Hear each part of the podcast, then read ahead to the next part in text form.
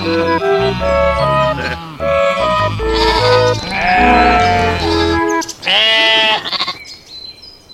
Einar! Hej Anna! Nu var det dags för en ny podd igen. Ja, nu är det månadsskifte juli-augusti och eh, sommaren pågår för fullt. Vi har haft sommarens första värmebölja kan vi kalla det eller? Ja, det kanske var sommarens enda värmebölja. Påminner lite grann om i fjol, men eh, nu har det börjat regna igen. Jag hoppas att det var den enda för det har varit fruktansvärt varmt här. Ja, det var det, men eh, de flesta bönderna är ganska nöjda, åtminstone runt omkring där jag bor. För att vi har fått både värme och regn och det var ju det vi saknade i fjol.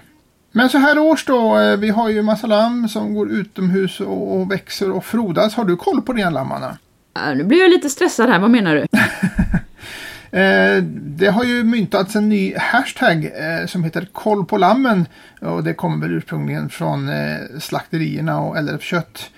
Men eh, man vill gärna slå ett slag för att man ska ja, ha koll på vad man håller på med så att det inte blir en överraskning när lammen plötsligt inte är så stora som man hade tänkt sig eller kanske har blivit för stora. Ja, du menar koll, koll på att de mår bra, koll på att de växer och koll, Koll på, på att, att- man skickar rätt djur när det väl är dags för slakt. Precis. Det finns ju fortfarande problem att slakterierna eh, får lamm som är anmälda och sen inte kommer in för att de råkar inte vara färdiga och det ställer ju till bekymmer. Ja, precis. Men, eh, Det där att man talar om om det blir ändringar är jätteviktigt. Ja, och helst så ska det ju inte behöva bli några ändringar utan man ska ju ha så pass koll på vad man gör så att man ungefär vet vad som kommer att hända. För att föda upp lamm på bete är ju egentligen betydligt mer komplicerat än att föda upp djur på stall. Där har man ju en ganska kontrollerad miljö. Men Ja, precis. Men alltså jag måste vara ärlig, de- den här sommaren har varit så... Det har varit sån lugn segling. Det har inte hänt någonting. Jag har glömt att skicka träckprov och jag ska väga imorgon kan vi väl säga. okej, För, för det har jag tänkt. Jag tänkte att jag ska väga dem nu för att ha lite bättre koll. För jag hade ju väldigt sen lamning så att eh, jag kan ju inte räkna med att de är så stora som de brukar vara så här ja, just det. Men de, det har gått väldigt bra, de ser väldigt fina ut och det har inte varit så mycket som en bajsig rumpa på hela sommaren. Det har varit väldigt lugnt. Det, det är hemskt att säga så för man blir rädd att det ska hända något när man säger så i, i radio. Ja, visst är det så. Nej, men det, det har ju varit en, en lite mer normal sommar eh, kan man säga. Vi har haft eh, ovanligt bra träckprov i år. Vi brukar avmaska och det har vi gjort i år också efter träckprov.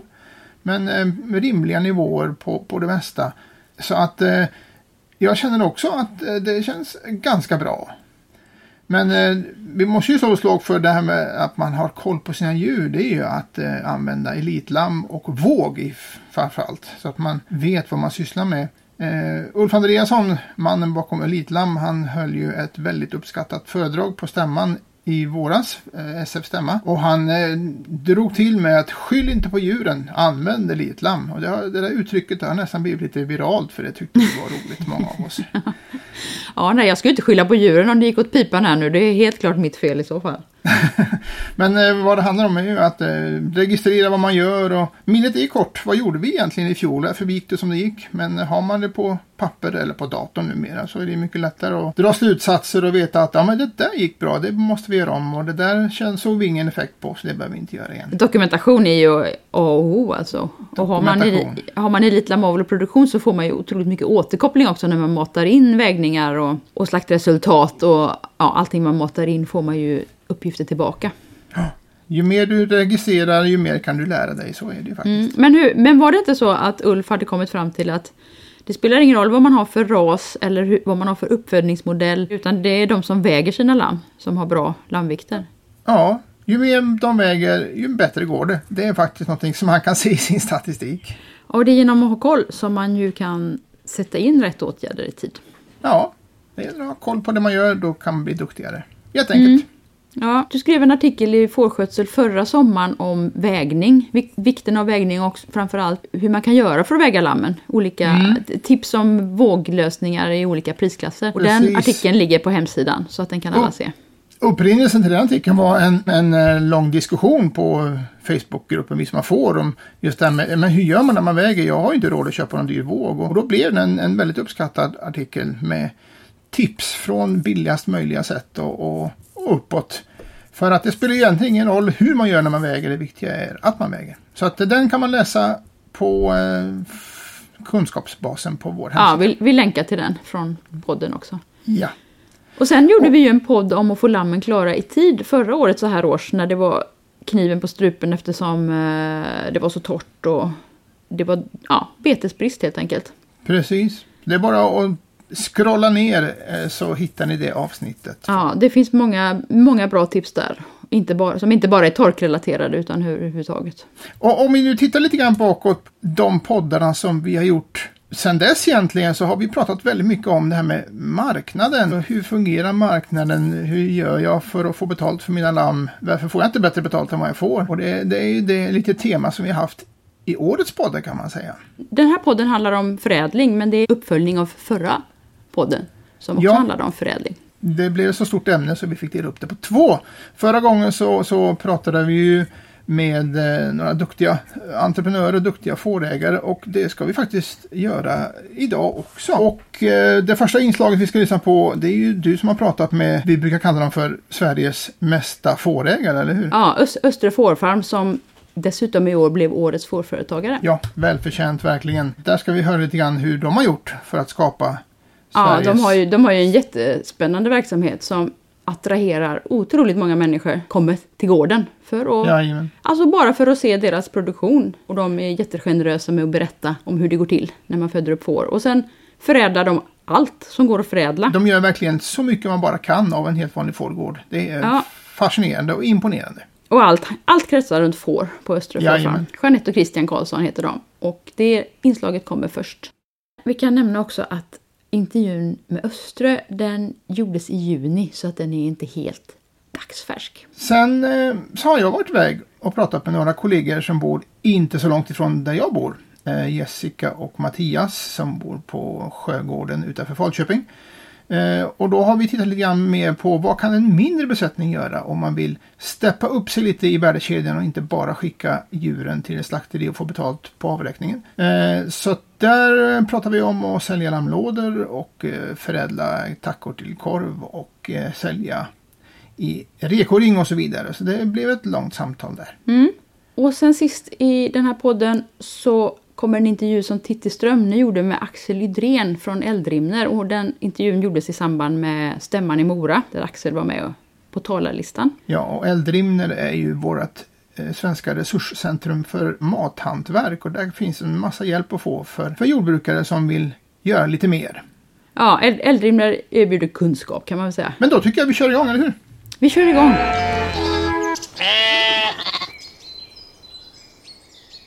Jeanette och Christian från Östre Fårfarm, välkommen till Fårpodden och grattis för att ni fick den fina titeln Årets fårföretagare 2019.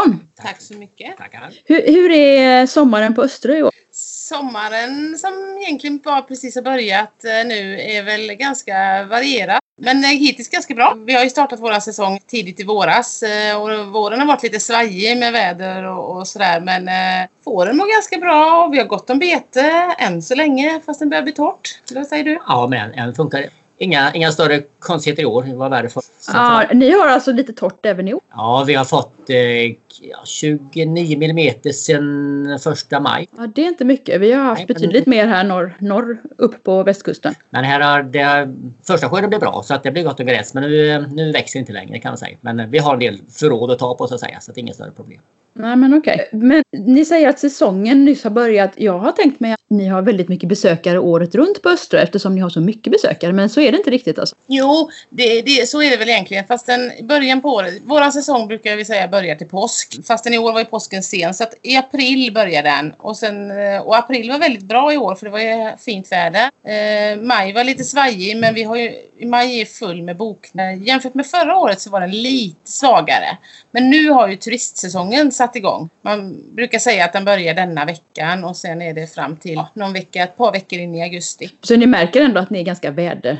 Besöksantalen är ganska väderberoende. Ja men det är det, absolut. Vi har folk oavsett väder men eh, de här topparna kommer ju när det är så. Det får inte vara för varmt och det får inte vara för dåligt. Det ska vara sådär lagom.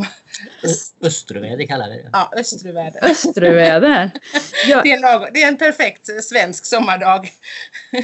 jag läste någonstans att ni har 60 000 besökare på ett år. Stämmer det? Ja, vi räknar någonstans där. Det är svårt att vara exakt men eh, någonstans där, ja. Det är extremt många. Det är 164 om dagen året runt, även julafton. ja. okej. Så Det det måste- inte rätt. Men eh, ja. Och då finns det ju dagar som inte har en enda. Ja, att, självklart eh, måste det göra det. Men berätta, varifrån kommer era besökare? Är, de, är det från närområdet eller är det från hela landet? Eller? Vi har väldigt mycket närområde faktiskt. Nu på sommaren framförallt så är det ju absolut hela Sverige och mycket Danmark, Norge, Tyskland och övriga Europa och övriga världen faktiskt. Hela, världen, hela världen kommer till er. Det är Ja. helt fantastiskt. Men vi måste börja från början lite grann. Presentera fåren också och er, er verksamhet. Ja, du pratar om eh, våran säsong men det är klart att det, det beror på vad, vad vi räknar, räknar in i säsong. För saken är att vi har ju, inte mycket du av de andra vet, men vi har ju ungefär 500 attacker och odlar för 150 hektar eh, och kört ekologiskt i nästan 30 år. Och det är liksom grunden i det hela. Och sen är det byggt på med, med slakteri och gårdsförsäljning och, och självklart då turistverksamheten upp till det. Och säsongen, det är klart vi har olika säsonger. Det enda vi inte har någon, vi har en lågsäsong och det är januari, februari, lite del av mars kan man säga. Men sen högtryck fast på olika saker. Som vi sa, våren då är det april, ja då är det lamning men sen kör- Besöksverksamhet. besöksverksamhet igång. Eh, Under sommaren så är det lite, ja, inte så mycket med fåren, se till att de har mat och bete bara. Men då är det turisterna som är Och när turisterna lämnar gården här då är det, då är det slakt, vi har eget slakteri också. Så att då, eh, då börjar vi med slakt, både våra egna lamm självklart men även då åt, åt många andra i närområdet. Och så är det fullt ös på det fram till jul kan man väl säga. Ja, Okej, och ni har anställda. Ett litet gäng ja. Vi har ungefär åtta stycken som går eh, hela året. Åtta eller nio stycken. Men nu på sommaren är vi, har jag faktiskt räknat att vi är 27 totalt. Eh, med, då är det mycket sommar, eh, alltså skolungdomar och så som jobbar. Ja, nu på sommaren jobbar de hela veckorna men så, vår och höst jobbar de lite helger och kvällar. Alltså det, det måste ju vara en ganska stor del av verksamheten att bara leda det här stora personalgänget. Ja, vi försöker så gott vi kan. Ibland leder de oss. De gör det. Ja, Nej, men det, är- visst, är det, visst är det en hel del att ta hand om och, och, och rodda och planera framförallt. det var ju en del i motiveringen att ni har haft modet att bli arbetsgivare. Det är inte så många fårföretagare som är arbetsgivare och är framförallt inte så storskaligt som ni är. Det var väl medvetet val men det har liksom blivit ganska tidigt så har- fick vi lite för mycket att göra så vi anställde nå- någon tjej som jobbar här. Och sen har liksom verksamheten vuxit och vi har liksom inte funderat mer på det utan vi har behövt mer arbetskraft och då, ja, då får vi anställa någon mer. Ja, det har, ni har vuxit organiskt. Ja, det är allt, allt eftersom. Det, har- det, det har tagit några år att komma dit. Ja, hur, ni kan väl berätta om hur det började? Om, om ni hade den här visionen från början eller om det bara utvecklats efterhand? Nej, vi hade inte denna visionen från början. Det, det tror jag inte. Jag gick och utbildade mig till herrskräddare och såg ju chansen att sy skinn. Christian, du... Ja, jag jobbar egentligen eh, lite här och var på jordbruk och, och annat. Men så blev det arrendet här på Österby ledigt. Jag var Du 20, vill- 25 år och tyckte att det kunde vara kul att ha någonting eget att pyssla med. Så och du ville eh, gärna jobba med får också. Och jobba med får, hemma Ja. marken som passar för. Vi började med 30 tacker. Men ni hade fortfarande så 100 plus hektar redan då? Eh, nej, det var bara egentligen bara 50 hektar. Eh, för gården vi arrenderar här, om man säger så, Österö, den är egentligen, det är bara 50 hektar åkermark som hör till det. De andra 100 det är sådana gårdar runt omkring som vi har plockat på allt eftersom vi behövt mer areal kan man väl säga och, och, och sett att vi kan utöka fårbesättningen och så. Och så har vi köpt lite mark också. Vi har 25, 25 hektar ungefär äger vi. Ja, Okej.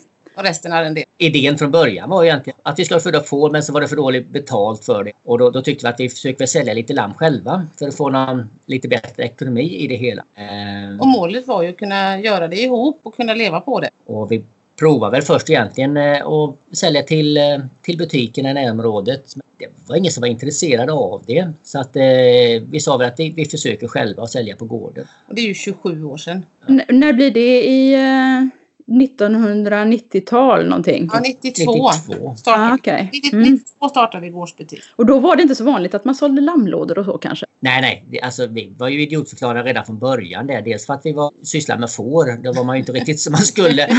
Och dessutom började sälja, sälja lammkött som inte går att sälja inte går att äta. Nej, ingen vill äta. Ah, Och dessutom ute på landet. För mat köper man ju i stan i affären.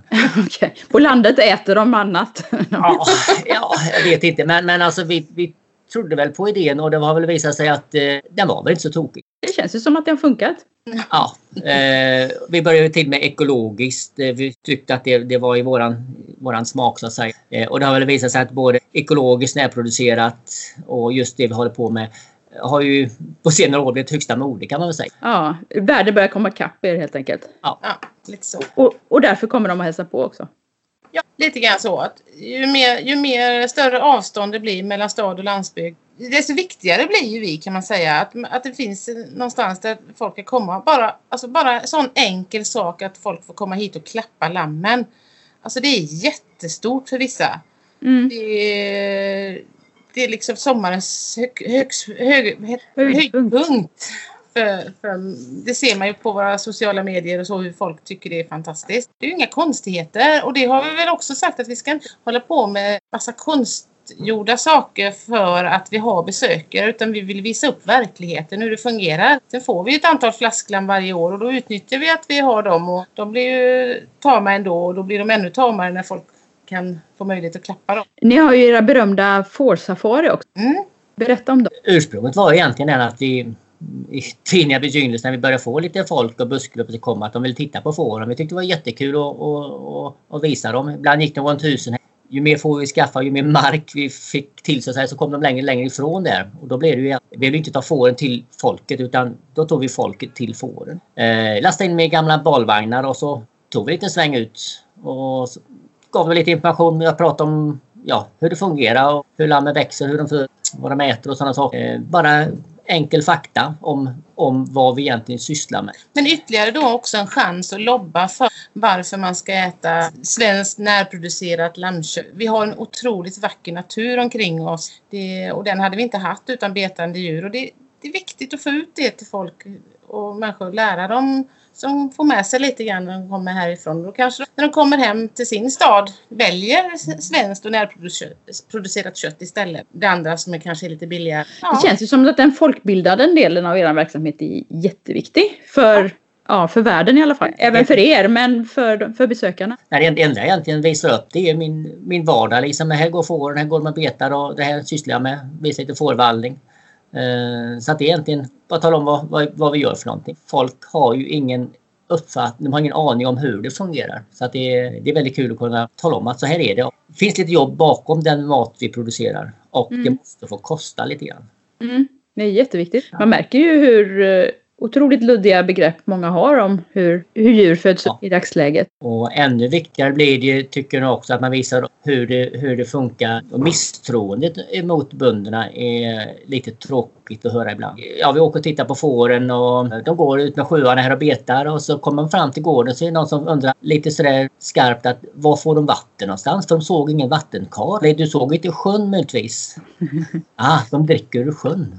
Ja, alltså de här enkla grejerna som lätt kan bli missuppfattningar hos andra. Får ni mycket kritiska frågor? Nej, det får vi inte. Det är det inte. Överlag så är det, är det är väldigt, väldigt, väldigt positiva. Och det tror jag har med just det, vår öppenhet och transparens vi försöker inte dölja utan vi visar upp hur det är. Bara en sån sak som på våren i april har vi lamning och eh, våra får lammar inne i fårhuset och då har vi en besöksläktare. Byggde vi, när vi byggde fårhuset gjorde vi en läktare för besökare så att de kan eh, utan att störa fåren och utan att komma i kontakt med dem kan stå och titta på dem och och stå där och titta när fåren lammar. Och det, det är otroligt uppskattat. Och det händer det inte alltid går bra i lamningen. Eh, men då får man förklara det för folk och aldrig det varit ett klagomål och folk tycker bara det är fantastiskt. Fantastisk möjlighet att få vara med och ja. se en lamning fast man inte Ja. Fårägare. Vilken bra idé! Och det viktigaste tycker jag också att, att de ser att allt, det är inte alltid det är eh, röda rosor och allting. Det, det, det är problem. Det krånglar, lamm dör. Men det är en del av verkligheten. Ja, men också att få se och när det funkar hur en tacka knyter an till sina lamm. Det är ju, man får ju gåshud varje gång så att det är ju... Ja, även om man är van så tycker ja. man varje år att det är fantastiskt. Jag tycker Ja. att 400-500 första lamm är jätteroliga. Sen börjar jag tröttna. Ja, hur, hur, ser, hur ser lamningen ut på gården? Är, det, är ni många som jobbar då? eh, nej, Eller är det mest ni själva? Ja, det är väl inte jag som drar det mesta. Sen har vi haft eh, lite praktikanter och, och sånt. Men oftast eh, nattjour och sånt är det i stort sett jag som tar. Ja, så det är, du som, det är du som blir tröttast? Jag som blir tröttast. Men eh, vi har ett väldigt jag tycker vi har ett ganska bra system i fårhuset. Det är väldigt lättskött så att säga. Och Mm. pälsfåren som jag har här är ju, är ju bra mödrar och har lätta lamningar så att det är relativt enkelt så sett. Men självklart är det långa dagar. Så vi kan ni någon gång vara lediga eller är ni, jobbar ni alltid? Uh, nej, ja det gör vi väl mer eller mindre vill säga. Men uh, vi, ett par veckor på vintern brukar vi ta. Lite, lite semester? Då smiter vi iväg, ja precis. Men uh, under säsongen april till jul, ja det kan bli någon dag. Men annars är det, det man vill ju vara här när det händer saker också. Så att, och är vi inte här så händer det saker. Det, ja, det så är det ju alltid. Man, bara man håller sig hemma så går det bra. Men ja, försöker man sticka iväg så kan man ge sig den på att det är något Ja, ja, men så är det ju. Ja, så är det för alla. Då är det bättre att bli hemma. Mm. Men den här resan från, eh, som ni har gjort nu under nästan 30 år. Vad har varit svårast och vad har varit roligast tycker ni? Det roligaste är ju helt klart utvecklingen. Det är ju det som har drivit oss framåt och eh, ställa sig still och säga att nu är vi nöjda och nu är det bra. Det är liksom inte våran grej utan utvecklingen och hela tiden göra saker lite bättre. Och det, det är absolut det roligaste tycker jag i alla fall. Ja det är det. Bara fortsätta i samma spår och göra som man gjort innan. Det, äh, man måste ha någon, någon ny liten idé, någon drivkraft och jobba vidare på. Alltså, så när det funkar för bra då, får ni, då kommer ni på något nytt. Så här, det där måste vi testa ja, men, och, och då gör ni det. Ja, och så ändrar man om någonting som man tror kan bli bättre. Det har jag gjort många gånger. Det är inte alltid det har blivit bättre. De går tillbaka till det gamla igen. Men det har jag åtminstone provat. Ja. Okay. Så att eh, man, man får känna sig fram lite grann. Och sen också en sak som är väldigt rolig och som också driver oss det är ju nöjda gäster. Härliga stora sommardagar när man springer benen av sig och, och här är massor med folk och, folk och sen får man massa positiva kommentarer efteråt och sådär. Det, det är liksom det. Ja, det är nöjda kunder driver oss framåt också. Mm. Mm. Och lite beröm kan man leva ganska bra på. Och utmärkelse framför allt. det blir en guldkant på tillvaron. Ja, men vad roligt. Ja. Du sa någonting om Ja, jag frågade också, är det någonting som har varit svårt eller så motigt? Eller så där ni har stött på patrull? Det vi fortfarande kanske brottas med lite grann, det är väl att det är svårt att få tag på kompetent personal. Här utbildas ju till exempel inga fårskötare i Sverige. Nej, nej det är jättesvårt. Det, det är jättesvårt. Det är klart det finns inte så många jobb som fårskötare heller men eh, det, det, ja, det blir väl en lite ond cirkel. Det blir ett moment 22 där. Får ja. ni ut, utbilda folk själva då helt enkelt när ni träffar, får tag på bra personal? Får ni lära upp dem? Ja, det har vi gjort flera gånger. Ja, men då, då, det är ju också nackdelen att då hittar man en bra tjej eller kille och, och, som är engagerad och framåt och, och duktig. Och så är de med några år och sen startar de ju eget. Ja, självklart. för, för de, de har ju den drivkraften. Eh, men mm. alltså, vi har jobbat ganska eller jobbat med men, eh, sista år här, just med utbildning och sånt och pratat med lantbruksskolor och sånt. Så att det, det funkar ju dåligt när, när fåren inte finns med bland lantbruksdjuren överhuvudtaget. Nej. Utan det är övriga djur och det är klart att då väcker man inget, inget intresse hos ungdomarna att vilja jobba med får. Det är ett fåtal som, som har nappat på det i alla fall som vi har fått kontakt med. Sådär. Men, men överlag så är det liksom signalerna skolan sänder är att får ingenting att satsa på. Det tycker jag är lite synd. Ja, det är helt fel. Får är ju det man ska satsa på. Ja, absolut. Och det är ju en, fram- en näring som har framtiden för sig. Vi är ju självförsörjande till 30 procent. Fårnäringen skulle kunna öka jättemycket i Sverige. Men det är svårt när det inte finns någon utbildning. Ja, mer, mer utbildad fårpersonal behövs. Det, det startar en utbildning i Umeå nu i år. Det ska bli intressant att se vad, vad det blir av den. Driftsledare lantbruk med, där man kan välja fårproduktion. Ja, spännande. Så att där hoppas vi i alla fall att det rör på sig. Mm. Ett myrsteg åt rätt håll. Ja, det är det definitivt. Absolut. Nej, sen har vi inte haft, alltså många har problem med myndigheter och sådana saker. Det har vi väl också haft, men inga sådana här jättegrejer. Vi försöker ha ett, ett bra samarbete med de myndighetskontakter. Och vi har ju faktiskt en hel del som vi måste kontakta. Men du är väldigt påläst Christian. Ja, man får vara lite påläst och lite smidig och veta och kunna ha en diskussion med dem.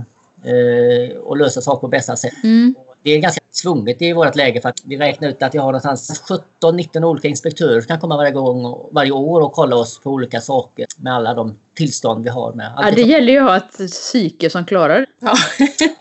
ja. det tror jag stoppar en del. Men eh, inte, inte problemfritt men inga, inga, större, inga stora grejer som inte gått att lösa på ett enkelt sätt. Ja, men det låter ju väldigt kul att höra. Är det så att du fortfarande Christian jobbar för Eldrimner med rådgivning för matföretagare? Ja, det Tror jag. Ja, jo, du är listad som rådgivare. Jag är listad som Ja. rådgivare. Jag försökte nog gå ut här om året för några år sedan tror jag men jag kom aldrig ut ur listorna. Så att, eh, nej, Okej. där, hänger, där hänger en del folk då och då och, och frågar om lite råd och så. Ja, för det kan vi passa på att tipsa om också. Vi, vi ska även prata med Eldrimner eh, i den här podden som handlar om förädling. Och eh, ja, vill man få lite coachning inför till exempel hur man hanterar livsmedelsmyndigheter så kanske man kan ringa och prata med dig då. Det, det går bra. Jag har lite, lite erfarenhet från dem. Ja, Ja, det är en fantastisk eh, resurs att, kunna, kunna ha. Eldrimner gör ju ett jättebra jobb där som har skapat det här nätverket med rådgivare för det, det är viktigt när man Otro- ska starta. jätteexklusiv och deras kurser tycker jag är fantastiska. Mm, verkligen. Slakteriet som ni har på gården och där ni slaktar både eget för lego, är det öppet året runt? Ja, vi slaktar året om. Eh, olika mycket självklart. Så har med, med säsongen att göra. Så det, är- det är mest lamm på, på hösten då men det kommer lamm året om. Men även både gris och nöt. slakt- Så vi slaktar och styckar åt, åt djurägare i närhet som har egen försäljning på, på olika sätt. Det kan vara en liten gårdsbutik hemma, kanske bara en liten frysbox, eh, ett, eh, ett utrymme där de kan leverera till sina kunder. Men på sista tiden så har det blivit väldigt populärt med rekoringar. Och där har det blivit ett uppsving för många djurägare. En del tycker det är jättebra och en del eh, hoppar av för tycker mycket jobb. Men en del får att fungera skitbra. Mm. Och det är egentligen ett jättefint sätt för den småskaliga att komma ut på marknaden. Man behöver inte bygga om någonting hemma och göra stora, stora grejer utan bara ha kundkontakten över nätet och kunna åka till ett ställe och leverera det. Och så sköter vi då allt, både slakt, styckning, packning och märkning. Så det är färdigt att sälja. Hur Ja. stor kapacitet har ni i slakteriet? Ja, vi slaktade i fjol ungefär 4000 får och lamm. Men, och det, det var väl all time high så sett. Eh, det är väl någonstans där gränsen ligger. Det, det är egentligen hösten som är begränsningen. Vad, vad innebär det en, en fullbokad dag på hösten? Hur många lamm?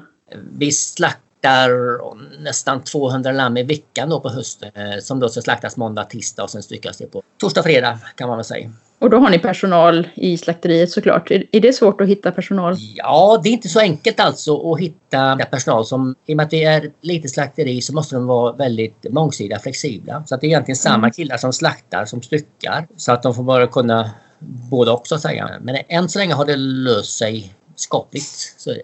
Hur ser framtiden ut på Östra? Ja, den ser väl bra ut. Eh, vi fortsätter som vi, vi har gjort. Vi har väl, eh, jag kan inte säga om vi har några större nya planer och så. Vi, I höst ska vi till exempel, det kan jag ju lobba för lite grann. Vi har ett arrangemang varje höst eh, ihop med Region Halland och Studiefrämjandet som heter Ull i kubik som eh, handlar om allt som har med får och ull att göra. Vi brukar vara en 35-40 utställare och lite workshop så, och, och sådana grejer. Och i år ska det även vara eh, spinn och ull-SM Ja. eh, samtidigt. Så det är ju väldigt roligt att kunna ja, få vara värd för det arrangemanget. Så hoppas att det är många som skickar in sina, man kan skicka in alltså då eh, ullfällar som man får bedömda och även då att man kan eh, spinna garn och skicka in och, och bli bedömd på det också. Ja, vi- vilket datum är det? Eh, Och det är 29 ju- september. 29 september. Ja, men missa inte det. Det är ett jättebra tillfälle att besöka Öströ som är en otroligt vacker plats som alla bör försöka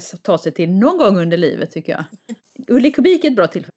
Eh, vi har ju sagt också att Öströ är en, ni har så många olika verksamheter som alla är anknutna till fåren. Och att man, även om ni är ett väldigt stort företag, Sveriges största kanske fårföretag, så finns det så mycket små, ni gör så många grejer man kan knycka idéer från. Mm. Tänk, tänker vi. Jag har sett att ni har fikakorgar också. Vi har, ja, vi har ju ett café som i år dessutom har kommit med i White Guide. En av, en av Sveriges 101 bästa kaféer i Sverige. Gratulerar! Ja, väldigt, utmärkelse. väldigt fin utmärkelse. Det började egentligen eh, med att folk var kaffesugna när de kom hit helt enkelt. Och eh, vi är ju inte sena att ta den chansen då och få sälja lite kaffe. Kaffetörstiga kunder är inga bra kunder. De måste få lite kaffe. Och då blev det lite så. Vi hade ju inget café men koka kaffe kunde vi och eh, baka bullar kunde jag. Och, och så hade vi lite korgar stående i ett hörn. Så, så vi tänkte att det var lite smidigt att skicka ut fikat i de här korgarna för Ja, så fick de med sig det ut. För brickor kändes lite sådär ostabilt och så. så att, eh, och är man på landet vill man hellre fika ute än att sitta inne Ja, någonstans men också. precis. Ja, och vi har, vädret är bra. vi har, vi har även eh, möjlighet att kunna fika inomhus också. Men eh, de flesta vill ju sitta ute när, när det är fint väder. Så det blev liksom en grej. Folk tyckte det var så mysigt med den här korgen. Så, att, eh, så nu har vi till och med specialtillverkade korgar för oss. Och så syr jag dukar och lägger i dem.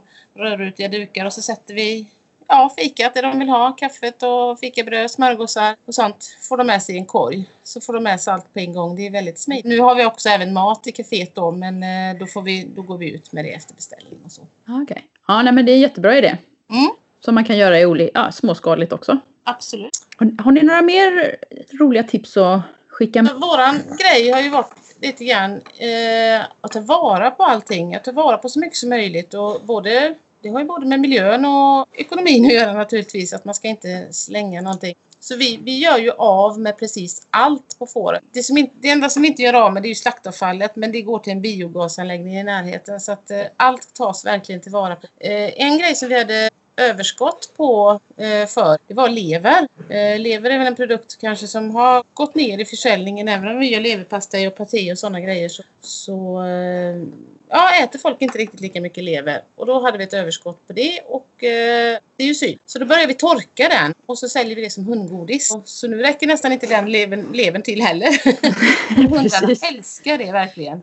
Hundar älskar det. Upp till hunden kan man ju betala hur högt kilopris som helst. I Precis. princip. så det är också... Hundar, är bra, bra eh, kunder. Ja. Hundar är jättebra kunder, men absolut.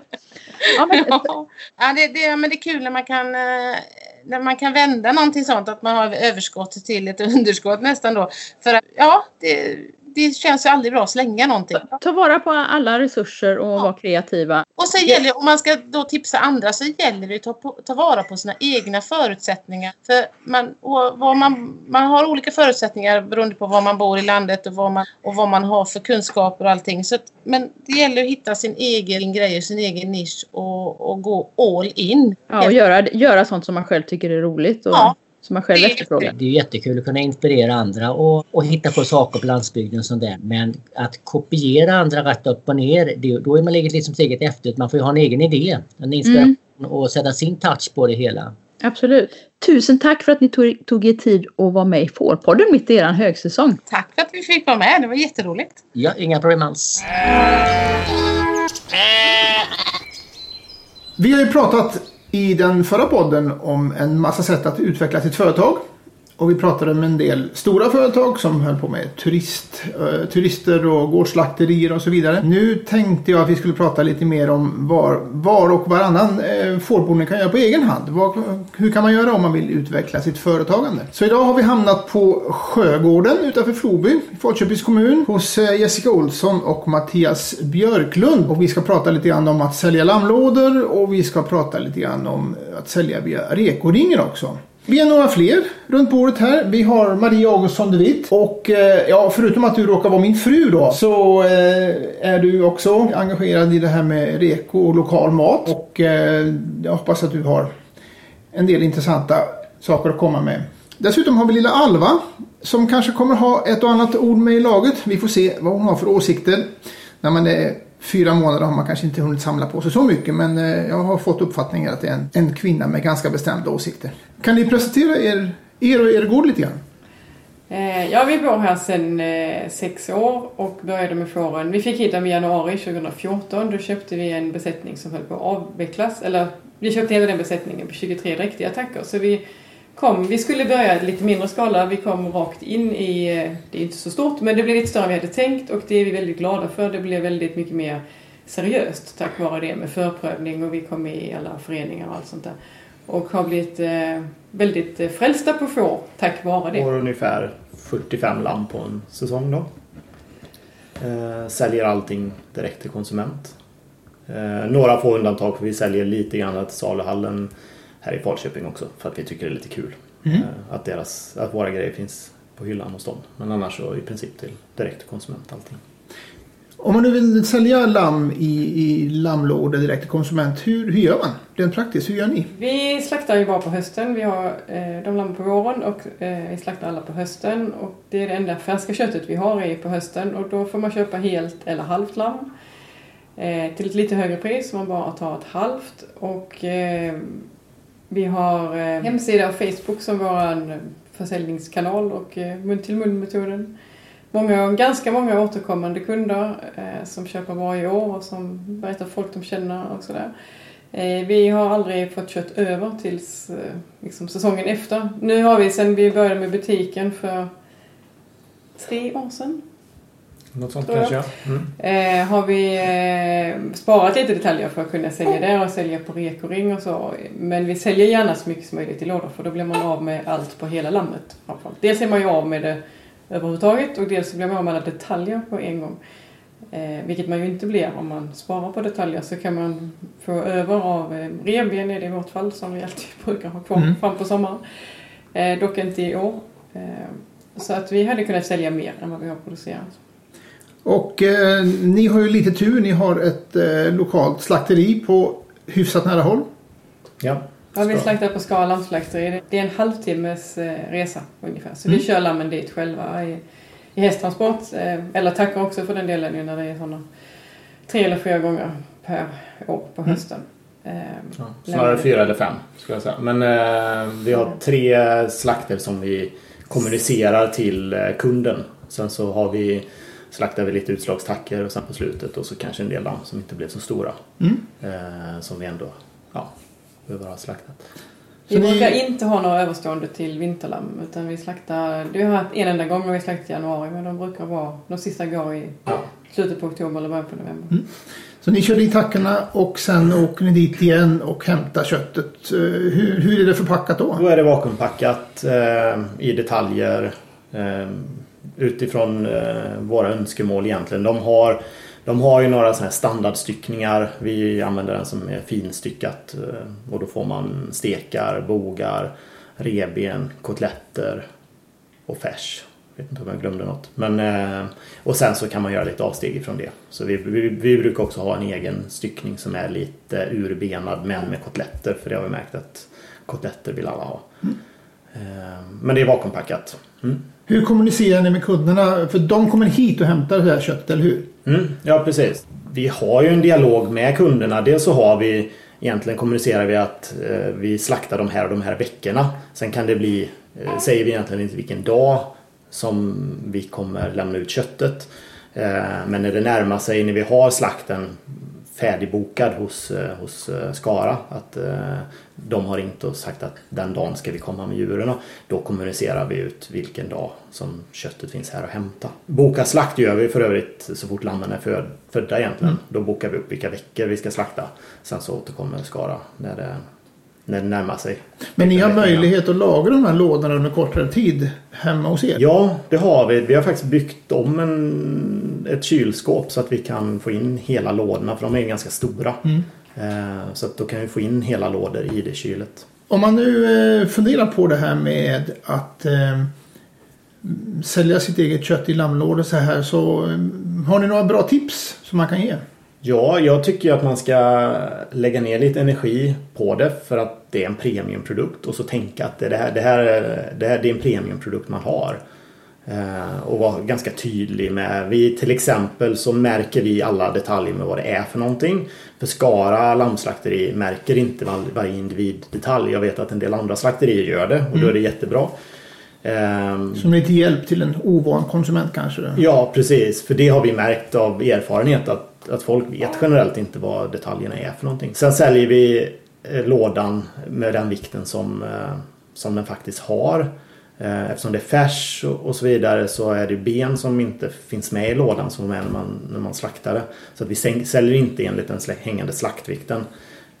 För det har vi också märkt själva när vi, innan vi hade får och köpte eh, lammköttslåda, att vi inte förstod eh, vad det var vi fick. Är det svårt Eh, att, att, att motivera för konsumenterna att betala för fler kilo än vad det faktiskt är i Ja, lådan? så, så har vi gjort för att vi vill vara, vara ärliga mot kunderna. För vi, vi vill ju att de kommer igen sen. Nej, men var, ty, var, var tydlig i kommunikationen så att just det här med att man vet när, när man kan hämta sin låda. Eh, och vet vad, ungefär vad man förväntas få. Att man kommer få de här, de här detaljerna. Det kommer ungefär så här mycket. Sen är det väl så också när man träffar konsumenten öga mot öga så kan man väl kanske ja, ladda köttet med lite extra värde när man berättar lite grann bakgrund och så vidare. Kan jag tänka mig. Mm. Vi brukar ju säga att folk är alltid välkomna hit och det är ju ganska många som gärna vill komma på våren och titta på lammen och så förstås och eh, det brukar väl ta emot. Då har vi nästan aldrig så mycket att sälja för då är det slut. Eh, men det är också många som gärna tittar på djuren på hösten när de går ute, när de kommer och hämtar sin köttlåda. Och vi tar gärna emot vid andra tillfällen också. Det är inte så stort intresse för det, tyvärr. Eller, det hade varit mycket jobb också om det hade varit större intresse. Men eh, vi vill att alla ska kunna känna att man, eh, att man kan få komma och titta var det kommer ifrån och att det, det är djur som har haft det bra. Liksom. Mm. Att man tar väl hand om dem. De är produktionsdjur för oss. Vi är småskaliga men de, vi har inga maskotdjur liksom. Utan de är de som ska gå till slakt, de går till slakt. Men vi tar väl hand om dem så länge de bor här och det ska alla kunna känna sig trygga med. Det gör man ju såklart även på gårdar som inte säljer sitt kött i egen regi. Men vi har ju möjlighet på ett annat sätt att gå ut och klappa våra djur och känna alla som individer. Och det känns bra att kunna visa upp det. Ni brukar skicka med något litet personligt också, berättar ni. Mm. Vi har alltid en eh, receptsamling eh, med som eh, vi gör själva. Och försöker ha lite nya recept varje år. Vi har ju många återkommande kunder och de har ju fått de kan ju laga lamm vid det här laget men många drar sig för att köpa lammkött av det skälet att de inte vet hur de ska tillaga det. Fastän det inte behöver vara så himla svårt. Kan man göra köttfärssås på nötfärs så kan man göra det på lammfärs. Men Mm. en del skyggar verkligen och köper tack vare att de får recept. Och då är det ett enkelt sätt att överbrygga det. Och sen brukar vi skicka med någon liten eh, present eh, av något slag, paket kryddor eller en eh, nyckelring i tovadull eller någonting sånt som blir en... Eh, nu är det ingen överraskning för våra återkommande kunder men för de som köper första gången är det ju en överraskning. Mm. Och för de som har köpt innan blir det ju roligt att se vad det är i år. Det fanns en del eh, tekniska saker att tänka på också eh, vad det gäller mm, kontakter med miljö och hälsa och så vidare, eller hur? Mm. Man behöver, för att hantera livsmedel så behöver man ju vara ansluten till den lokala miljöhälsan. Eh, här omkring så är det, heter det Miljö Östra Skaraborg, eller MÖS. Eh, då det de kollar på hos oss är främst eh, att vi märker korrekt eh, det vi säljer. Mm. Eh, och lite grann att man har kylkedja och sådär. Att man har en rutin för hur vi... När vi, vi transporterar ju till exempel tillbaka köttlådorna i vår vanliga bil ifrån Skara lammslakteri. Eh, och att man har ett tänk där liksom kring att man gör det på ett säkert sätt. Så att det håller Så att det temperaturen håller så temperatur och vad Ja. gör vi om det inte gör det och så vidare. Mm. Så. Eh, Men främst är det fokus på, på märkning. Och faktiskt också bra liksom att man att det blir ju rätt sen i sista, i änden eftersom man har någon som kontrollerar den och ger en tips och förslag på att ja, men så, här, så här får man inte skriva på etiketten utan det ska stå så här och så här. Och Man kan så få hjälp så att det blir Man kan få hjälp även om de själva säger att de är inte de är inte där för att utbilda oss. Så de är ju där för att kontrollera oss. Mm. Men man får ändå hjälp. Liksom. Eh, Kan man få någon utbildning i den delen? Erbjuder man det ifrån MÖS till exempel? Nej, det är inte vad jag har förstått. Vi första, precis när vi hade börjat så, så frågade jag vad, vad man vänder sig. Och då hjälper de ju såklart att, att skicka dokument och sånt där som Livsmedelsverket har. Så, och peka ut avsnitt där i som man kan läsa och sådär. För det kan ju vara ganska jobbigt. Alltså det är ju väldigt stora dokument som det kanske inte är så mycket som rör just våran del. Då kan de ju åtminstone hjälpa till att peka att ja, men läs det avsnittet där så har du mycket information. Mm.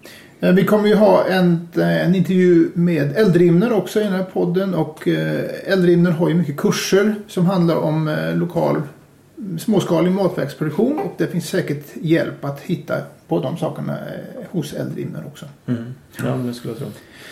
Ja, men då är det så här att eh, när vi pratade innan så kom vi fram till att det är ganska viktigt att lammen är ganska lika. Att eh, kunden vet vad han får för varje år. Men sen är det alltid lite djur som hamnar utanför. Några lamm, djur som, lamm som inte växer tillräckligt mycket eller kanske lite utslagstacker. Och där har ni också ett tänk. De tar vi till eh, korv mycket, eh, både tackorna och eh, de sämsta lammen eller minsta. Eh, eller på tackorna så tar vi undan och röker, stekar och ytterfiléer. Och eh, sparar ibland faktiskt innerfiléer på tackor och även ytterfilé till vanligt kött eller vad man ska säga, tillagar bara som mat. Eh, det är svårt att sälja fårkött, många är väldigt skeptiska till det. Eh, vi brukar säga att man får alltid pengarna tillbaka om man inte gillar det. Och det har aldrig hänt.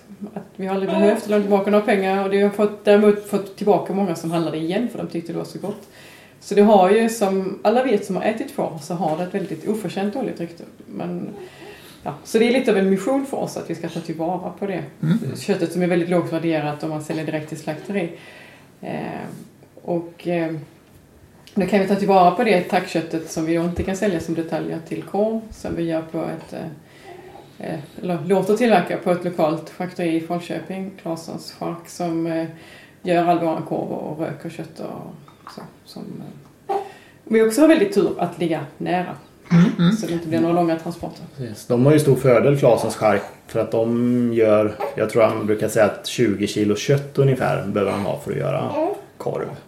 Eh, vilket är hanterbart för oss. Det är ganska lagom att göra en. Vi brukar göra kanske två korvsorter när vi ändå gör så. Men då blir det 20 kilo av varje sort. Vilket är rätt lagom att, att sälja. Det, det klarar vi av. Och Vi har också en fördel av att vi har nära till, eller att vi anlitar Skara lammslakteri som har en särskild styckning där de gör korvkött. Eh, och även då kan kombinera det med att ta ut filéer till exempel på tackorna och sådär. Så att man kan få ut det bästa möjliga av det djuret. Dels till korv och dels de allra, allra bästa detaljerna. Mm. Ja, det låter ju väldigt förmånligt eh, och det vet vi att eh, just Skara Lammslakteri är duktiga på att eh, anpassa sina styckningar till kundernas önskemål. Ehm, Sen är frågan, de här korv och charkprodukterna, hur säljer ni dem sen? För det är ju en annan sak än när ni säljer era lammlådor. Ja, det är ju, dels är det ju liksom vänner och deras vänner. Alltså där går ju mycket så. Folk som vi har haft tidigare som kunder och så vidare som Mm. köper. Och sen eh, rekoringen är ju jättebra. Så att har man en rekoring i närheten så ska man ju absolut... Där är ju... Där är korv går väldigt bra att sälja. Mm. Skulle jag säga. Eh, Så där säljer vi ju merparten av korven. Och korv är också ett äh, lättillgängligt sätt för lammskeptiker att äh, närma sig lammkött om man är lite rädd. Det är verkligen, det låter jättefånigt, men många är verkligen nej gud jag kan absolut inte laga lamm. Och låter sig liksom inte, de vägrar ens prova. Men korv vågar de testa och då kan man äh, lotsa in dem i lammets värld på det viset. Korv och lammfärs tycker jag brukar funka bra. Ja, man ska färs är också- servera sån är här protesterande. Ja. Övertalningsmetod. Ja. Men eh, då har vi kommit in på det här med reko. Kan du be- förklara lite grann Marie, som är bättre på sånt än jag. Hur, vad är en rekoring och hur funkar det? Jag är inte alls något proffs på rekoringar men jag handlar väldigt mycket hos rekoringen. Ganska många år sedan man började med i landet. De rekoringarna där man då samlar små grupper av producenter som så småningom blir större och större. Eh, principen är att man har en liten försäljningsgrupp på Facebook. De allra flesta människor idag har Facebook, inte alla men väldigt många. En del har det bara för att kunna handla via sin rekoring. Och eh, i den här lilla Facebookgruppen då så lägger en administratör upp de producenter som säljer för varje försäljningstillfälle. Just i Falköping så är det var fjortonde dag som man kan handla. Och numera så tror jag det är hela året, är det så Mattias? Jag tror det. Ja, från början så var det ju kortare perioder bara men nu har man fått in så pass många producenter så nu finns det produkter även under vinterhalvåret. Men alla produkter finns inte varje gång, eller hur? Nej, precis så är det.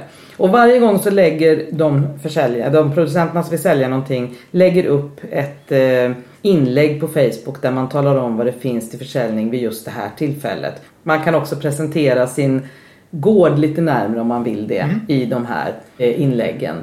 Och eh, sen får jag som kund då anteckna under i kommentarerna på Facebook så skriver jag Jag vill gärna ha ett paket märkes och ett paket eh, chili och citronkorv om det nu är det jag vill ha. Och så får jag en tumme upp från producenten och då vet jag att hen har sett min beställning. Och sen så tar jag mig då till den plats där det är utlämning. Och den utlämningen brukar vara ganska kort. Den brukar 45 minuter ungefär. Eh, när det gäller Falköping, sen är det naturligtvis olika i olika delar av landet. Men är ni med på några fler räkningar än Falköpings Eh, Mattias? nej, vi har varit med i Skara någon gång har vi varit. Mm. Men eh, vi har... Vi, är, vi får ju sålt våra, våra grejer så det, visst det är kul att ha varit med Mm. på flera men just nu så har vi till exempel ingenting kvar egentligen. Vi har några paket korv egentligen i, i frysen Mm. men annars får vi sålt. Så. Alltså den, en av de stora fördelarna som jag ser det om man jämför med att man en traditionell torghandel det är att det är så väldigt effektivt. Producenten behöver ju inte stå en hel dag på torget och vänta på kunder. Utan eh, allt som producenten har med sig är redan sålt från början och sen har man en kort utlämning och sen åker alla hem. Ja, och det ska man med, vara medveten om att man, är, när jag är och hämtar mina varor eh, vid rekoringen så är det inte alltför ovanligt att det kommer någon strosande förbi på torget och frågar Jaha, kan man handla mat här? Och då får man ju möjlighet att presentera att nej det kan man inte men man får göra så här. För det är bara de produkterna som är beställda som är med. Som producent så får du aldrig Ja. ha med dig och sälja Precis. liksom lösvikt till någon annan utan det här är liksom en liten intern grupp där man säljer det som är förbeställt. Och sen betalar man med Swish har jag förstått. Huvudsakligen är några som ibland tar kort och några tar kontanter men Swish är det vanligaste. Ja, det är ett väldigt, väldigt smidigt och effektivt sätt. Dessutom väldigt trevligt som kund att kunna ställa frågor till den som har producerat. Att kunna få det vi pratade om tidigare, en del av storytellingen. Att få reda på, aha, gör ni så? Okej. Det, det tycker jag är väldigt trevligt. Ja. Där, apropå Swish där så är ett annat tips som har varit jättebra för oss. Det är iSettle. Som är, det är en kortläsare men det är också ett, eh, ett kassasystem blir det ju egentligen. För du har, man kan lagra alla produkterna i sin mobiltelefon. Eh, man slår in vad folk köper. Eh, och sen så får man ett eh, underlag för bokföringen sen också. Man behöver inte göra en dagsrapport manuellt eller göra kvitton till allihopa utan de kan få ett kvitto på, på mobilen utifrån iSettle. Och man behöver inte alls använda den här kortläsaren heller. Man har den, den kostar inte många kronor, kanske 500 kronor kortläsaren. Och så betalar man lite transaktionsavgift. Men man kan mycket väl bara köra Swish eh, om man hellre vill det. Men eh, jättetidsbesparande. Ja. Det låter som en perfekt eh, kombination av modern teknik och eh, gamla eh, traditioner. Att Ja. eh, handla på torget eller handla direkt av, av Och, och knyter man till köttlådorna där. I början så gjorde vi fakturer till alla som köpte en köttlåda. Ehm, Men det blir ju en administration med det där att göra en faktura till alla och så blir man alltid lite orolig. Betalar folk så? Det har hänt någon gång att vi inte har fått in pengarna till exempel. Men med iSettle så då vet man det. Folk hämtar sin låda, de betalar. De är också väldigt nöjda att då är det ur världen för dem också. Då är, då är det betalt. Så behöver de inte tänka på att det är en faktura som ska betalas. Nej, och det här med rekor, vad jag har förstått så eh, startas det nya rekoringar. Det finns i dagens läge i ganska många städer i Sverige. Eller hur? Mm. Det finns många städer i Sverige, jag kan inte säga hur många. Eh, Just nu vet jag att man håller på med ett eh, arbete på Chalmers där man försöker ta reda på så mycket man kan om hur många det finns och vad kunderna önskar, vad man ser som positivt, vad man ser som negativt. Men det är inte färdigt ännu utan jag tror att det kommer bli färdigt till hösten om jag minns rätt. Mm. Eh, och tänka på också är väl det att eh, Reko är ju bara en förmedlingsverksamhet så att alla producenter ansvarar ju för sina egna, sina egna varor och sina egna kundrelationer. Eh, vad ser ni för framtid? Vad har ni några planer på att utöka er verksamhet? Vi har alldeles för mycket planer. Det kan man inte ha. Vi vill gärna, vi halkade ju in kan vi säga lite på fåret av misstag ska vi inte säga. Men eh, jag som då gillar kår väldigt mycket eh, insåg direkt att vi skulle inte kunna ha några kår i de byggnaderna vi har här utan det blev får och eh, det har vi ju inte ångrat kan man säga på något sätt utan det är väldigt roliga jag håller på med och det passar ju, de är liksom trevliga och det går bra för folk som inte är så vana vid djur, vågar ändå gå in till dem och, och sådär. Så det går att bygga mycket kring det. Hoppas och tror vi på sikt med mer besöksverksamhet. Vi har haft, varit med på konstnatten här i, i fjol eh, för första gången eh, som är på Falbygden och kommer till och med igen i höst till exempel som är ett jättestort eh, kulturevenemang. Och den typen av grejer vill vi gärna utveckla och få hit folk och kunna också ta betalt för att folk kommer och klappar dem i praktiken. För det tar vi inget betalt för. Och det kommer vi aldrig till kunna göra. Men kan man få dem att fika här till exempel och ta betalt för det eller sådär så skulle man kunna få en försörjning på det i hyfsat liten skala. Vi har ingen, ingen önskan om att ha 500 tackor liksom utan kunna utöka lite och kunna leva mer av själva gården. på sikt. Sen eh, kanske även i framtiden att vi gör korv och chark själva. För där, är ju, där kan man ju få... Det kostar ju en del att, att lämna in och göra korv, chark, grejer så. Eh, så då kan man ju istället få de pengarna själv. Eh, mot eh, självklart att Mer man får jobb. göra det. Mer jobb. Ja. Så. Men det har väl också någon vision om att eh, framöver så att vi har ett tillverkningskök. Jag tänker att lite intressant för den som lyssnar måste ändå vara att veta att ni faktiskt jobbar heltid båda två också. Är det inte så? Mm. Ja. Inte just nu då kanske du gör det Jessica. Men, men, Nej, i vanliga fall så jobbar vi, eh, en av oss kanske gott och väl heltid också. Men Mm. eh, jo, det är sant och det begränsar ju såklart i vad man mäktar med i, eh, på sin fritid, eller vad man ska säga. Det, och det är också roligt när man har mycket konsumentkontakt att eh, väldigt många av de som köper av oss har ju ingen alls lantbruksanknytning eller folk har inte det idag på samma vis. Och en del som blir så här 25 tackar, herregud. Och tror att det är liksom som jätte, jätte, jättemycket liksom. Eller skulle man ha 25 hästar så är det ganska mycket. Men 25 tackar är faktiskt inte... Det är jobb när de lammar och, och sådär. Men det är ju... Det som tar längst tid på vintern annars det är ju att klappa dem kan jag säga. Och det ska göras det också.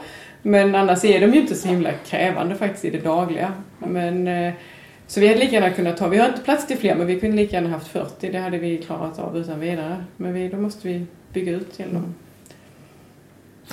Jag tycker att eh, vi har fått fram en massa bra tips på vad var och en som vill utveckla sin verksamhet lite grann skulle kunna göra.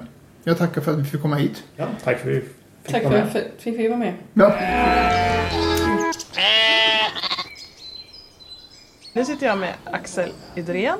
Du har precis hållit ditt föredrag under rubriken Eh, ja, vad ska man säga? Småskalig förädling Ja. eh, och Eldrimners verksamhet kan man nog säga. ja, Du jobbar på Eldrimner med vad? Ja, i fakt, egentligen Eldrimner är ju ett nationellt resurscenter för mathantverk. Så vi, vi har ju, jobbar ju över hela Sverige. Eh, ja, jag är branchansvarig för fiskförädling faktiskt. Men sen så Ja, kom det- sig lite lustigt att jag fick åka hit till eh, Fåravelsförbundets årsstämma och berätta om Eldrimner. Så det var jätteroligt. Ditt efternamn, jag, vi pratade lite om det. Du, man känner igen det om man har varit i fårbranschen. Det Ja. finns en Dag Idrén. Exakt, Ja. Dag Edrén är min eh, morbror. Så honom har jag spenderat mycket tid hos när jag var yngre och hans, hans gotländska pälsfår. Mm. Han Eh. eh, har jobbat med avel på Gotlandsfåren i många år. Ja, jag har faktiskt ett så här gammalt eh, kuriosa-minne från någon, någon slags baggaktion i, i, i Tranås tror jag det var. När jag Ja. gick ut med den baggen som då var Sveriges dyraste bagg. Tror jag det Ja, var. ja, Eller så är det minnet som lite har förbättrat det hela. Ja. Men, men eh, ja, nej, men honom har jag många fina minnen med. Idag pratar du om vad Eldrimner gör, Mm. vilket är... Sedan eh, 2005 så blev eh, Eldrimner ett nationellt resurscenter eh, för mathantverk. Och det innebär att vi, vi har olika former av, av utbildningar eh, från Skåne i söder till, till Norrbotten i norr. Och eh, eh, mathantverk kan ju vara ett lite så här svårt begrepp för eh, många att förstå. Men, men lite förenklat kan man ju säga att mathantverk är eh, småskalig och hantverksmässig livsmedelsförädling. Och- Och för lammproducenter så, så innebär ju det till exempel att man får lära sig att göra färskkorv av lammkött, av gamla tacker till exempel. Eller att man får lära sig att ysta ostar på fårmjölk som Bredsjö Blå gör eller, eller Ovikenost till exempel. Som har varit otroligt duktiga på att få fram fina ostar. Ja. Eh, och, och som du sa, den här eh, branschen Mm. med småskalig livsmedel, livsmedelsförädling, den har ju verkligen ökat de senaste 20 åren. Mm. Eh, har du, varför är det så? Längtar folk efter ursprung? Vad är, det vi, är det kopplat till turismen eller vad är det? Det är väl en, en eh, jättebra fråga. Eh, och det är säkert eh, flera olika faktorer som påverkar det. Men jag tror eh, personligen att människor vill ha en äkta råvara. Som kontrast, kontrast till det här storskaliga och industriella som, som lite eh, sammanfattar delar av livsmedelsindustrin idag. Att det är väldigt identitetslöst, att det har färdats från långa sträckor, från andra länder och, och, och, och sådär. Och då har vi det lokala, det småskaliga, så, som, där konsumenten verkligen vet vad de erbjuder. Och sen så är det ju så att det är också ett sätt för producenten, lammproducenten till exempel, att, att, att öka sin lönsamhet. Och det är ju på något sätt en, en av grundprinciperna, att man, att man har en, en, en produktion på en gård, till exempel lamm eller det kan vara fisk. Och sen gör man någonting med, med sin råvara. Man, man röker eller man, man eh, gör korv och då kan man ta ut ett, ett högre pris. Och många av de här företagen de har ju också efterhand som de sett att det finns ett så stort intresse att komma ut på landsbygden. Ja, men som Östre fårfarm till exempel Mm. som har så här 40 000 besökare. De har ju efterhand skapat en, en servering Mm.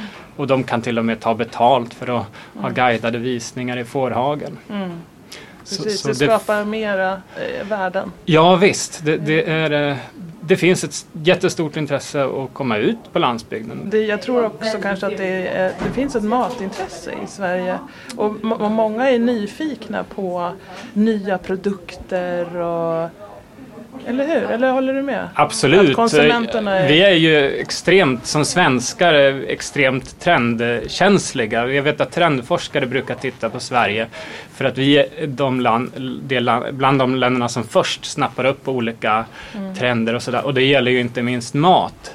Mm. Eh, och vad ska man säga mer om det här? Ja, nej men vi, vi, är, vi är bra på att göra riktigt bra saker, produkter. Mm. Våra, våra mathantverkare är, är med och marknadsför Sverige. Mm. Och, och vi ser ju det också i ett, om man tittar på det turistiska perspektivet att turismen är ju en, en enorm stor liksom, Mm. ska man säga, industri i Sverige. Det, den omsätter ungefär 300 miljarder per år. Mm. Och eh, en vanlig turist äter un, ungefär för en, en tredjedel av sin resbudget. Ja, Så, så, och det, det är liksom, man ska, idag är inte mathantverket någon liten sådär koka sylt i källaren nej. verksamhet utan det, det, är en, det är en det är stor, stor och viktigt hantverk och, Mm. men också en viktig näring Ja. som, som, som ökar stadigt. Mm. För, för några, när Eldrimner började då var det väl sådär strax under tusen företag och idag räknar vi med att det finns 2000 mathantverksföretag Mm. ungefär. Mm. Och, och vår vision är ju att det så småningom ska bli 10 000 mathantverksföretag som ska vara spjutspetsen av svensk livsmedelsproduktion. Ja. ja, det är fantastiskt. Mm. Eh, vad kan Eldrimner erbjuda lammproducenter? Ja, det är flera saker skulle jag vilja säga. Det beror ju på vad man är intresserad av. I Mm. första hand så, så är det ju våra kurser skulle jag vilja säga. Om man, vill, om man är intresserad att börja, med, börja göra färskkorv av, av, eh, av eh, sin, delar av sin produktion så har vi många olika nybörjarkurser runt om i landet. De är eh, två dagar ofta. Eh, och de är förlagda hos en företagare med, med en företagare som lärare. Men vi har också en, en rådgivningstjänst, kallar vi det, mathantverkare till mathantverkare. Som går ut på att man kostnadsfritt faktiskt ska kunna ringa en, en erfaren fårföretagare som har börjat förädla och, och fråga om till exempel man vill bygga ett gårdsslakteri så att man inte gör de här mm, vad ska man säga, misstagen som, är lätt, som man lätt gör sådär om man ger sig in i något okänt område. Mm. Det, det är ju två väldigt bra eh, ska man säga, verktyg som vi rekommenderar. Så dels gå någon av våra kurs, kurser och se om det är något man, man, som passar en själv och, och att ta del, utnyttja vår rådgivningstjänst. Ja. Och när man blir väldigt duktig så kan man ju också tävla i vår produkttävling SM Ja. i mathantverk. ja, just det. Och i år skulle den hållas i, i, på Högbo bruk. Exakt. Eh, Ute, precis, du, Ja. du har helt koll. Den eh, hålls i Gävleborgs län. Mm. Och på den här tävlingen så är det 40 olika tävlingsklasser och 500 olika produkter som ställer upp och tävlar Ja. inom massa olika kategorier. Och det var i oktober. I 15 till 17 oktober är det. Alla som är intresserade får komma. Jajamän, Ja. det är bara att anmäla sig. Ja. Eh, både att vara där och förkovra sig, för det brukar vara seminarium va, i samband med. Precis, som en eh, jätterolig tvådagars konferens med Mm. seminarier och, och, och om ja, hållbarhet och det, om produktseminarier och, och det blir Mm kockar som är där och håller lite workshop och sådär. Samtidigt som, som den här tävlingen pågår. Mm. Ja, Så- så det- Spännande, så det Ja. är tips om man är intresserad. Verkligen. Eh, ja. Vill man ha information Ja. om Eldrimner och eh, när det går kursen och sånt, då kan man följa er på Facebook eller Precis, vi, har, vi, har ju, vi finns ju på de här sociala medierna såklart Mm. som alla andra. Facebook och Instagram. Men sen så har vi en, en väldigt bra hemsida där man kan klicka sig in på det området man är intresserad av. Till exempel charkuteri eller mejeri. Och där har, ma, har vi alla de här rådgivarna. Vi har också aktuella kurser. Eh, och man kan prenumerera på vår tidning kostnadsfritt. Och, och där står ju allting plus, plus mans, massa annat. Smått och gott. Superbra. Tack så mycket. Tack själv. Tack, tack. Tack. Okej, det, var, det var vad vi hade att lyssna på idag. Eh, har vi lärt oss något nytt idag, Ina? Ja, vad vi gör är ju att vi, vi pratar med inspirerande människor för att förhoppningsvis ge inspiration till andra. Vad jag tycker är den största slutsatsen det är att man kan inte bara sitta och gnälla och tro att någon annan ska hjälpa en. Man får faktiskt ta tag i saker själv och, och göra saker för att förbättra sin gård och sin produktion. Och det tycker jag att vi har fått jättemånga bra idéer på de här två poddarna vi har gjort. Man kan göra saker på väldigt många olika nivåer. Sen tror jag också att det är bra att ja, men få inspiration av andra. Åka på studiebesök, prata med andra, göra, gärna göra saker tillsammans. Alltså åka på studiebesök är fantastiskt bra. Men, men också göra, som, som Christian sa, göra sin egen grej tror jag är jätteviktigt också. Att man gör sånt som man själv tycker är roligt och intresserad av. För det är då det brukar funka bra. Ja, och kanske inte låta sig nedslås när omgivningen säger att äh, det där kan väl inte vara någonting. För om du tror på idén för dig så, så satsa på det. Ja, men vi känner oss lite nöjda för idag kanske. Jag blev så, jag fick dåligt samvete för att jag inte har vägt lammen på länge så att jag tänkte jag ska gå ut och göra det nu. Gör det. Lycka till med lammvägningen och så får vi se i nästa podd hur det gick då. Ja, men okej. Så Då har vi säga. vägt också. Så det blir bra. Då är vi nöjda och glada för idag. Ja, vi hörs. Vi säger till alla lyssnare också, ta hand om er. Hej då! Ja, ta hand om er. Hej! Eh.